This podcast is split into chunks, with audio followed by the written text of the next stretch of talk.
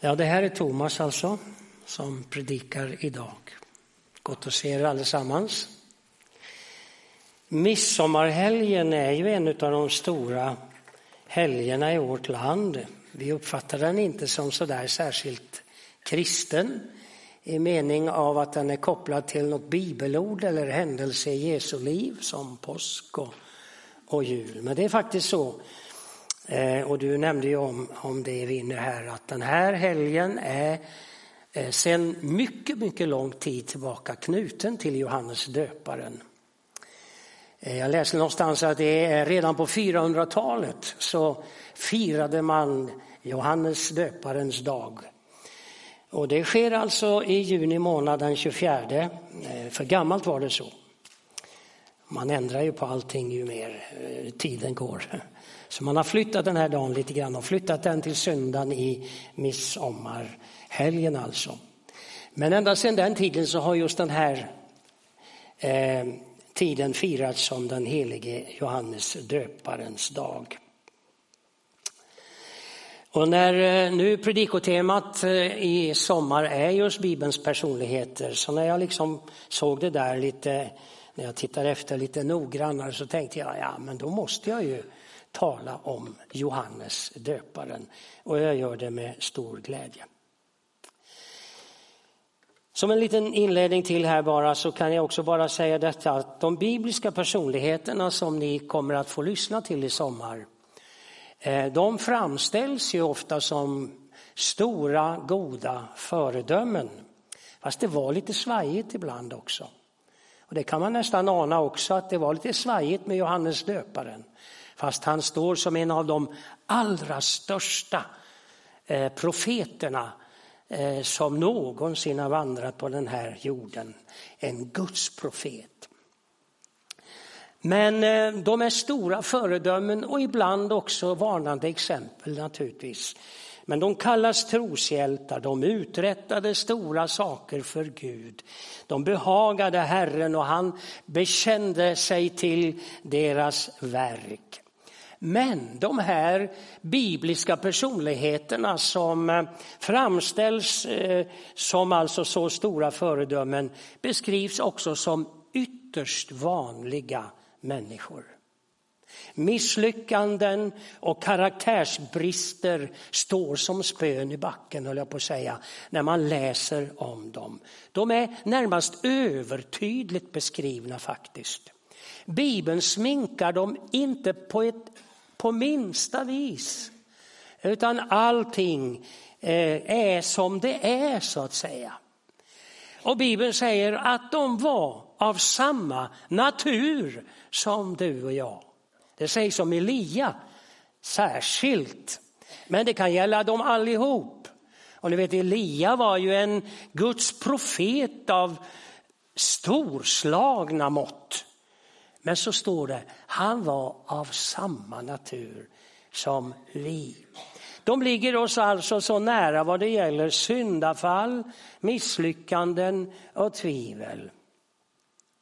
Och trots denna sin, sin mänsklighet, om jag så får uttrycka det, så blev de alltså stora andliga redskap och uträttade märkliga saker. Läs till exempel Hebreerbrevet 11, trons kapitel. Och hur var det möjligt? Ja, de sökte Gud. De bekände sina synder. De levde i tro på Guds väldiga nåd som helar oss från alla våra synder, eller befriar oss från alla våra synder och helar alla våra brister. Det är vanligt folk alltså. Men de är också därför så oerhört lämpliga att ta som föredömen. Och Johannes döparen, trots denna gigant i Guds rike, så kan vi ha honom som ett föredöme. Och jag tänkte läsa en lång text faktiskt. Jag tror vi kan ha tid med det idag. Och utanför de här, utifrån de här bibelverserna så, så på något sätt så ställer jag mig den frågan.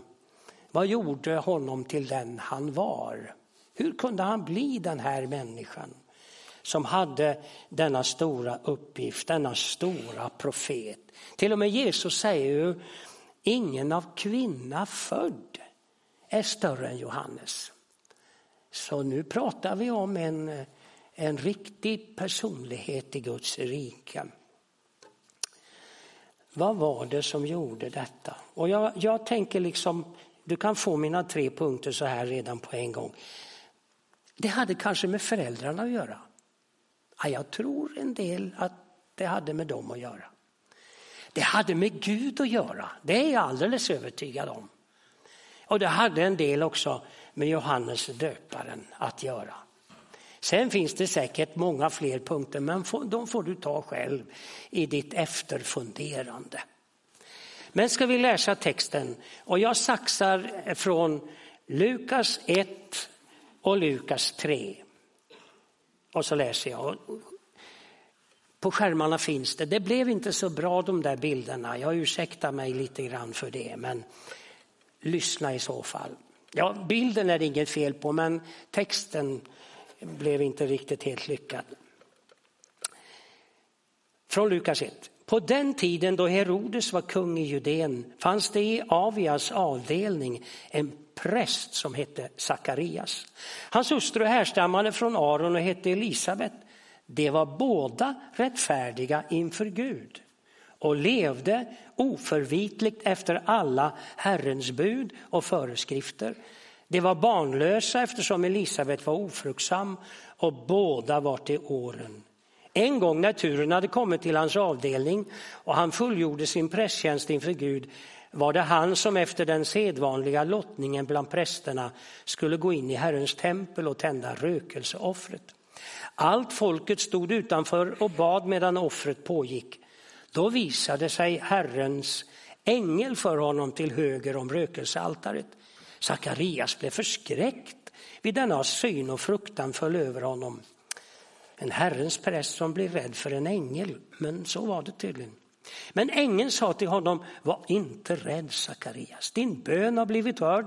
Din hustru Elisabet ska föda en son åt dig och du ska ge honom namnet Johannes. Han ska bli din glädje och fröjd och många kommer att glädja sig över hans födelse. Ty han ska bli stor inför Herren, vin och starka drycker ska han aldrig dricka. Han ska uppfyllas av helig ande redan i moderlivet och han ska få många i Israel att vända tillbaka till Herren deras Gud. Och han ska gå före honom med Elias ande och kraft för att vända fädernas hjärtan till deras barn och ge det ohörsamma ett rättfärdigt sinne så att Herren får ett folk som är berett. Sakarias sa till ängeln, hur ska jag få visshet om detta?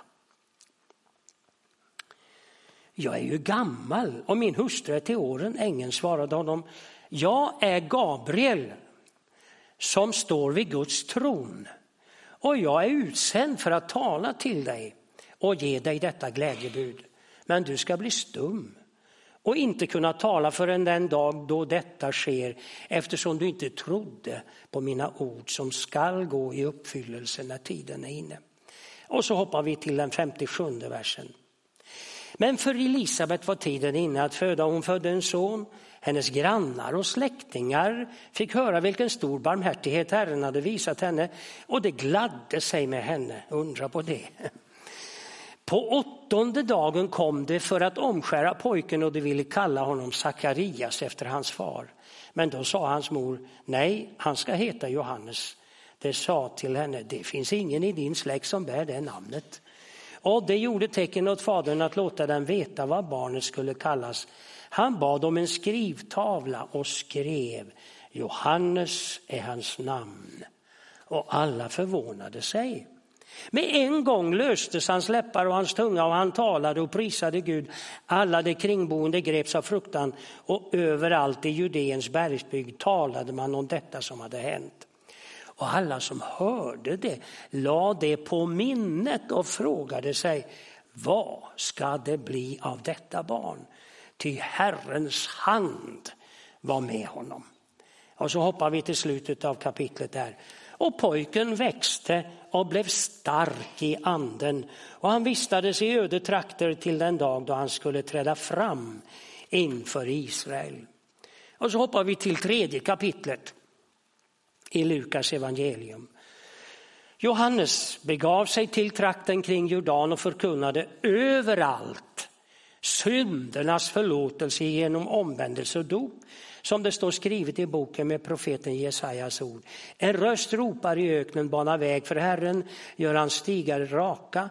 Varje klyfta ska fyllas, varje berg och höjd ska sänkas. Krokiga stigar ska rätas och steniga vägar jämnas. Och alla människor ska se Guds frälsning. När folk kom ut i stora skaror för att döpas av honom sa han till dem huggormsyngel, vem har sagt er att ni kan slippa undan den kommande vreden? Bär då sådan frukt som hör till omvändelsen och börja inte säga er, vi har Abraham till fader. Jag säger er att Gud kan uppväcka barn åt Abraham ur dessa stenar. Vi hoppar till den femtonde versen. Folket var fyllt av förväntan och alla frågade sig om inte Johannes kunde vara Messias. Men han svarade dem alla, jag döper er med vatten, men det kommer en som är starkare än jag och jag är inte värdig att knyta upp hans sandalremmar. Han skall döpa er med helig ande och eld. Och till slut från den 19 versen. Men när han gick till rätta med tetrarken Herodes för hans förbindelse med sin brors hustru Herodias och för det myckna onda som han hade gjort la Herodes till allt annat också det att han satte Johannes i fängelse. Sen finns det en del mer att läsa om men för att ni inte alldeles ska bli för försjunkna så slutar jag, slutar jag här så får ni fortsätta läsandet själva sedan. Herre, tack för att du vill låta ditt ord som är liv få ett särskilt liv i våra hjärtan denna stund. Hjälp oss så att lyssna och ta emot. Amen. Ja, varför blev han den han blev? Det hade nog en del med föräldrarna att göra, det brukar vara så. Om det ska bli någonting av dig så kan det bero väldigt mycket på dina föräldrar. Du ärver deras rikedom. I den miljö där du formas och skapas så att säga och blir till som, som en vuxen människa så, så det präglar dig på ett sådant sätt. Du sätts på spåret till utbildning, kanske olika yrkesområden. Du blir ganska mycket det som dina föräldrar är. Vi har mycket att tacka dem för. Så var det här säkert också för Johannes döparen. Jag har ingen föreställning om att de var särskilt rika, men de hade säkert en miljö av bildning och, och sådär. Och det var kloka människor och Sakarias var dessutom präst och de är ju väldigt... Nej, vi ska inte prata om det, men i alla fall. Framför allt uppfattar jag så här när jag läser berättelsen om Elisabet och Sakarias. De skapade en väldigt rik andlig miljö tillsammans med varandra. Och det är klart att det hade en stor betydelse för den här unge gossen som formades i detta mycket rikt och varma andliga hem. I ett avseende var de ju inte särskilt lämpade trots allt. Uthållig bön under många år till trots så kom aldrig den där sonen som de drömde om. Och det står att Elisabet var ofruktsam. Nu var det för sent, tiden var ute. Men Gud hade andra tankar och han uppenbarar sig en dag när Sakarias gör tjänst i templet. Du ska föda en son, hans namn ska vara Johannes. Sakarias, präst som han var, förtrogen med de heliga skrifterna, hela gamla testamentet med profeterna och lagen och saltaren och allt det där. Ni vet. Eh, till trots så hade han ingen tro. Hur ska jag få visshet om detta? Och då säger ängeln, jag är Gabriel eh, som står vid Guds tron. Du borde väl höra på vad jag säger. Jag har ett uppdrag att förkunna det här.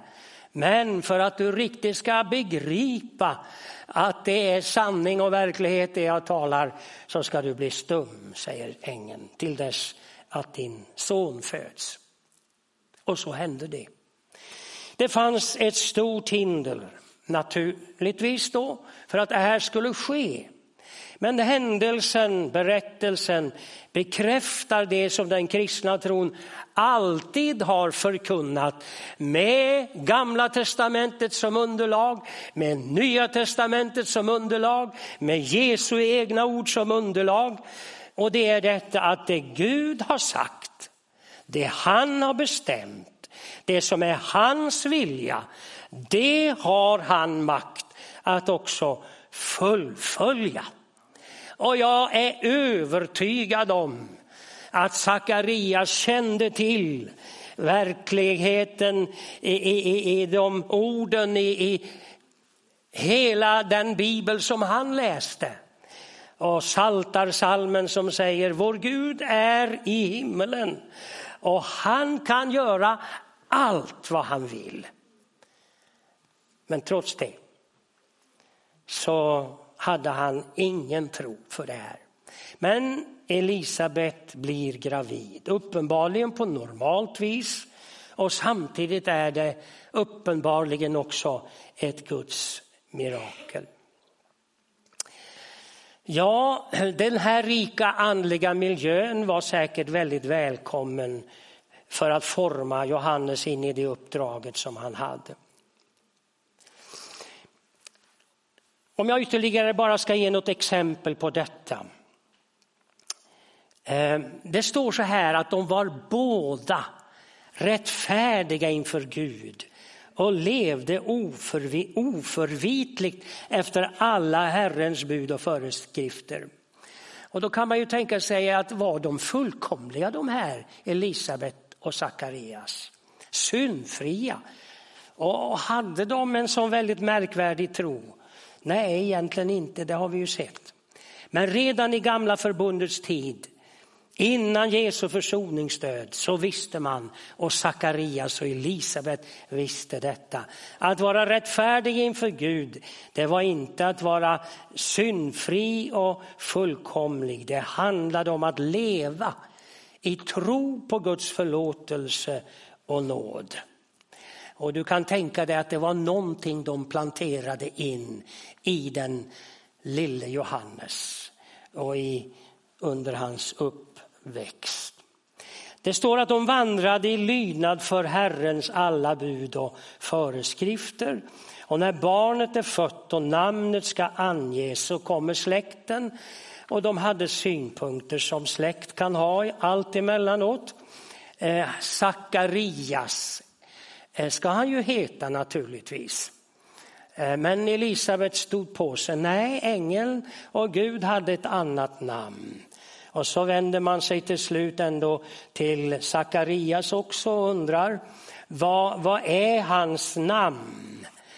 Och då säger han, Eh, och då hämtar man den där tavlan mm, och så skriver han Johannes är hans namn noggrann med att vandra i lydnad inför Guds bud och hans vilja. Och det är klart att denna andliga miljö, eh, det präglade föräldrarna och det präglade alltså då Johannes döparen. Jag tänker så här också att nu ska vi inte se den här händelsen och berättelsen endast som ett exempel på vad som gäller för att bli en god förälder och leda barn in i det som kan vara Guds vilja för deras liv. Vi har alla en uppgift att forma och leda våra medmänniskor som vi möter i syfte att de ska upptäcka Guds väg med sina liv. Det är grannar, det är släktingar, det är arbetskamrater och så vidare. De behöver födas till ett andligt liv i gemenskap med Gud och det kan inte vi åstadkomma. Lika lite som tydligen Sakarias och Elisabet hade förutsättningar för att bli förälder. Men Gud kunde det, hjälpa till med miraklet. Och Gud kan göra detta. Men vi kan bli anförtrodda att bli goda andliga fäder och mödrar. eller goda andliga grannar, vänner, arbetskamrater och förebilder som medverkar till att forma, fostra människor in i det som är Guds vilja och avsikt för varje människa. Ja, goda föräldrar. Både lämpligt och olämpliga var de ju. Men framför allt den rika andliga miljön betydde mycket för den tjänst som Johannes hade. Det har med Gud att göra naturligtvis. Johannes var speciell och unik. Det är alldeles uppenbart när vi läser berättelsen om honom. Innan födseln uppenbarade Gud hans särskilda uppgift och hans namn. En ängel kommer med det budet. Det händer normalt inte. Jag har fått fyra barn, men inga änglauppenbarelser om dem. Inte min fru heller, om inte hon berättar någonting som jag inte vet nu, som en respons på predikan efteråt här. Så det händer normalt inte. Det står också att han uppfylldes av helig, eller det sägs om honom att han ska fyllas av helig ande redan i moderlivet. Men jag tänker att det här pekar på någonting väldigt viktigt som gäller egentligen generellt för varje människa. Du är utvald av Gud. Du är utvald av honom. Gud har en avsikt med varje människas liv. Det står i en av psalmerna, redan i moderlivet såg du oss. Alla de dagar som är våra är uppskrivna av honom. Vi är utvalda. Han vill använda oss i sin tjänst. Det sker i det vanliga livet vi lever, det profana livet. Och det handlar inte alltid om predikande och vittnande om Jesus, en slags andlig tjänst och uppgift, utan det, det är att vara en god medmänniska. Hålla fred med alla om möjligt är så mycket som på dig beror och så vidare. Det handlar om att leva rätt och rättfärdigt. Men visst handlar det också om samma uppdrag som Johannes hade. Hans tjänst är en allmän uppgift i alla tider och miljöer för den troende människan. Att leda människor fram till Jesus, klargöra vem han är och vad han vill göra för oss, med oss och genom oss. Och vi är alla kallade att i Johannes döparens efterföljd bli en vägröjare för Jesus. Du är utvald. Jag hoppas att du tar med dig detta från den här berättelsen. Du är utvald, ämnad för tjänst i Guds rike.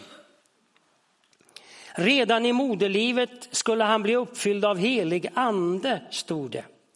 Och det är klart att det gäller på ett särskilt sätt för Johannes döparen, det kan jag förstå. Men så tänkte jag ett varv till när jag läste det där och, och så undrade jag för min del, men är det inte det som gäller för oss alla egentligen? Också. Guds ande är där från det ögonblick jag blir till. Det heter ju att himmelriket hör barnen till. Då måste väl anden ha varit med. Tänt det där livet som blev jag. Tänt det där livet som blev du. Från moderlivet är barnaskapets ande, kan det vara så, implanterat i varje människa. Men sedan på väg ut i det vuxna livet så tar syndafallets makter över i alla människors liv och blockerar det här hos oss. Men ändå längtar sedan en människa under hela sitt liv efter en återknuten kontakt med Gud själv. Därför att Gud var där först, redan i begynnelsen av oss. Ja, att Johannes blev den han blev, det har med Gud att göra. Det kan vi vara alldeles övertygade om. Men alltså, du är också utvald av Gud, berörd av hans ande. Vi har samma möjligheter till tjänst för Gud, inte den tjänst som han hade, men den tjänst som är avsedd för dig. Det allra sista handlar om att det är klart att Johannes bejakade Guds vilja med sitt liv. Han hade kunnat blockera allt det här som föräldrarna hade lagt ner i hans liv. Han hade kunnat blockera allt det som Gud hade planterat i honom och den tanke och plan som Gud hade med hans liv. Den möjligheten ligger i våra händer. Men eh, så skedde inte. Men han hade tagit del många gånger under uppväxten, eh, uppväxten av berättelsen kring sin födelse och ängelns budskap. Du kan tänka dig att Elisabet många gånger hade berättat det för honom och Sakarias. Det står också om honom, eh, om Sakarias förresten, att han, han uttalade sig profetiskt över, över Johannes när han föddes och säger du mitt barn ska kallas den högstes profet. Du ska gå före Herren och bli en vägröjare och så vidare. Och jag på att säga det där hade Johannes hört in till leda under sin uppväxt. Jag föreställer mig i alla fall det. Han kunde ha avvisat det. Han valde att bejaka det och det tycker jag jag förstår eftersom det står så här om Johannes. Och pojken växte och blev stark i anden. Det var inte bara i moderlivet han berördes av anden utan han ställde sig fortlöpande under uppväxten i beröring av anden och öppen för den helige andes uppfyllelse fortsatt hela tiden. Naturligtvis säkert kraftigt understödd och detta understöddes också av hans föräldrar. Och så kommer dagen då han träder ut i tjänst. Och vi förstår av sammanhanget att han, han valde ett enkelt och återhållsamt liv under andens ledning. Extremt skulle de flesta av oss kalla det. Han drog ut i öknen och han, eh, eh, vad var det han åt? Gräshoppor och vildhonung och klädde sig i kamelhårskläder och så vidare. Men vilket föredöme han är för oss naturligtvis i detta. Ett återhållsamt liv under andens ledning. Det vore värd en egen predikan vad det kan vara och vad det innebär. Men kanske ett uppdrag för dig att fundera vidare på ett återhållsamt liv. Och han predikade omvändelse från allt det som skulle ta fokus från det som var det viktiga de andliga värdena. Och människor kom i tiotusentals. Jag har inte alltid haft för mig eller klart för mig vilken enorm väckelse det här var, men jag har sett uppgifter som, som handlar om hundratusentals människor som drog ut i öknen för att lyssna på honom. Jag vet inte riktigt exakt hur, eh, hur många det var naturligtvis, men det var många som stod där i kön lyssnade. Och det var folk av alla slag. Det var soldater och det var skriftlärda och vanligt folk. Man lyssnade om omvändelsens budskap och man döptes och människor började fundera lite grann allvarligt. Är inte detta Messias? Vad är det som utmärker hans tjänst och hans liv?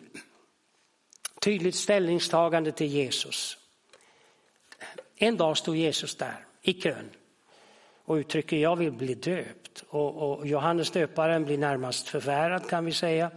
Jag behöver bli döpt av dig, säger Johannes. Jag är inte värdig att lösa upp din skorem ens en gång.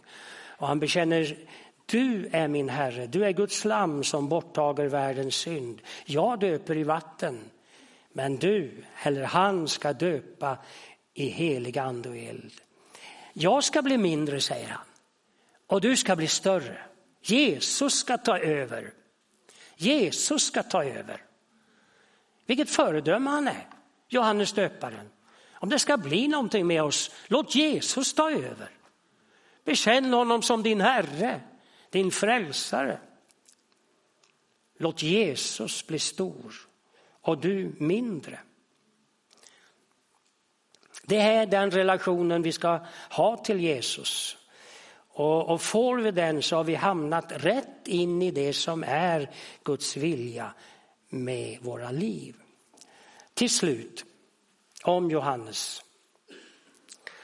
Jag har inte läst de verserna, men denne store profet och vägröjare borde väl ha fått ett gott liv och ett grandiost och härligt slut. Nej, han blev fängslad, det tror jag vi läste om i, i, i vår text här. Han blev fängslad av Herodes på grund av att han hade gått till rätta med honom. Han levde på ett otillbörligt sätt med sin brorsas hustru. Och ni vet att han slut, till slut slutar som, det slutar med halshuggande, inburen på ett fat i en fest där de hade druckit för mycket och dansat för mycket. Ungefärligen så. Men innan det här händer så sänder så, så sitter han i fängelse och hamnar, hamnat i tvivel och, och bekymmer. Denne store profet är förtvivlad, bekymrad.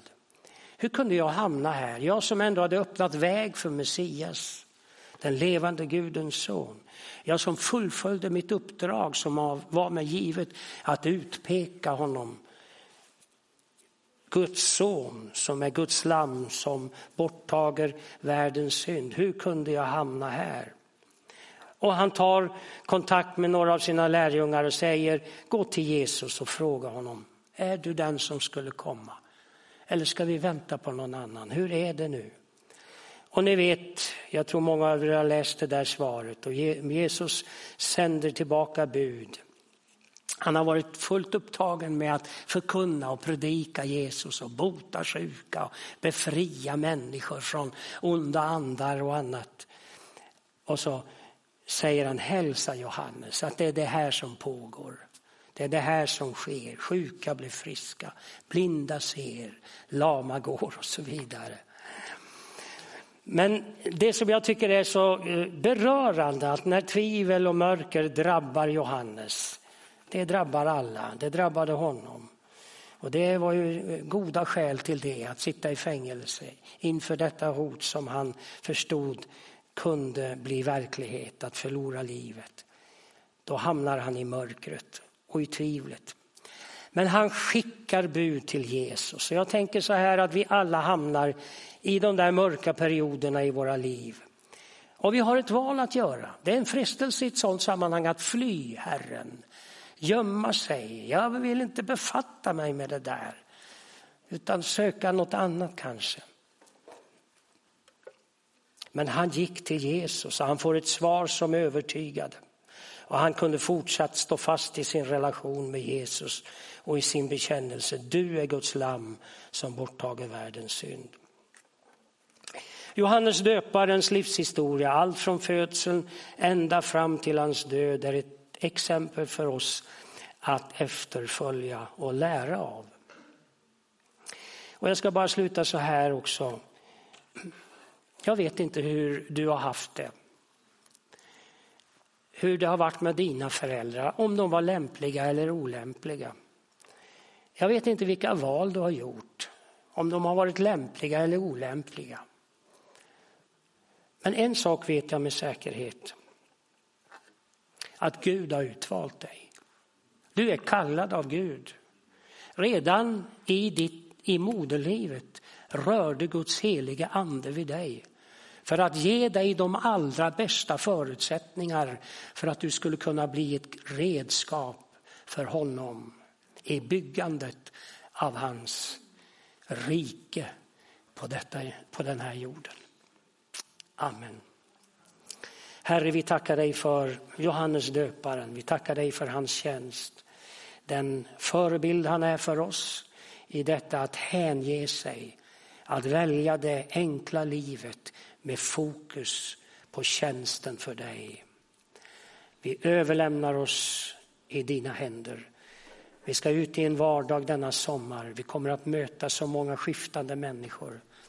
Herre, hjälp oss att vara med i formandet av våra medmänniskor in i det som är din vilja med varje människas liv.